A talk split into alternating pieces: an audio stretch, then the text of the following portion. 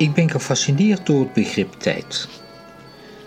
Het liefst zien wij tijd als een lineair voortschrijdend gegeven.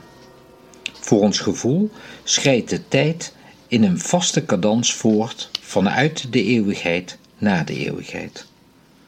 Je hoeft maar even te denken aan het heelal, wat een prachtig woord overigens, of we moeten constateren dat het begrip tijd, zoals wij dat hanteren, een gesimplificeerde weergave is van een complexe toestand.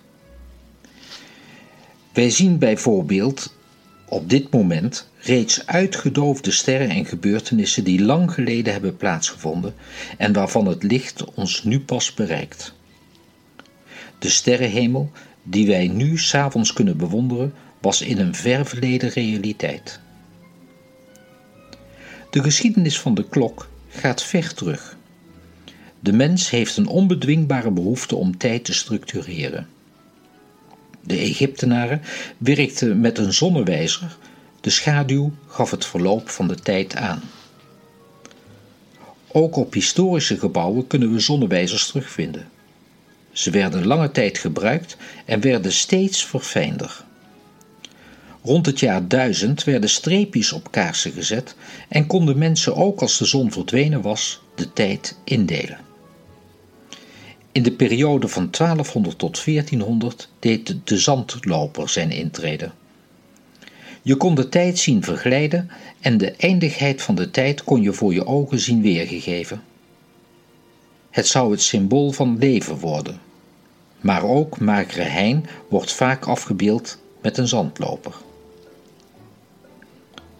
Vanuit de kloosters ontstond de behoefte om op gezette tijden te brevieren en werden klokken ontwikkeld waarop uren werden aangegeven. De oudste nog werkende klok staat in Salisbury en dateert uit 1386. In 1656, 300 jaar voor mijn geboortejaar, vond de Nederlander Christiaan Huygens het slingeruurwerk uit, waarmee ook seconden werden aangegeven. De ontwikkeling stond daarmee niet stil en met elektrische klokken en atoomklokken werd een wereldbeeld van schijnexactheid opgebouwd waarmee wij ons heelal bezien. Toegegeven, de manier waarop wij nu tijd benaderen werkt op dit moment uitstekend. We kunnen over heel de wereld afspraken maken en als we raketten lanceren, kunnen we met onze tijdsindeling ver komen. Het is ook super handig om in de sport exact te meten dat de winnaar fracties van seconden sneller is dan een ander. Wereldrecords worden op de honderdste seconde gebroken en atleten worden vereeuwigd omdat ze 1 honderdste seconde sneller waren dan hun voorgangers.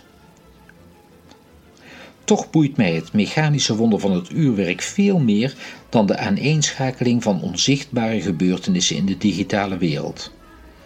Muzici houden zich bezig met de tijd en net als Maurice Ravel ben ik geïnteresseerd in klokken.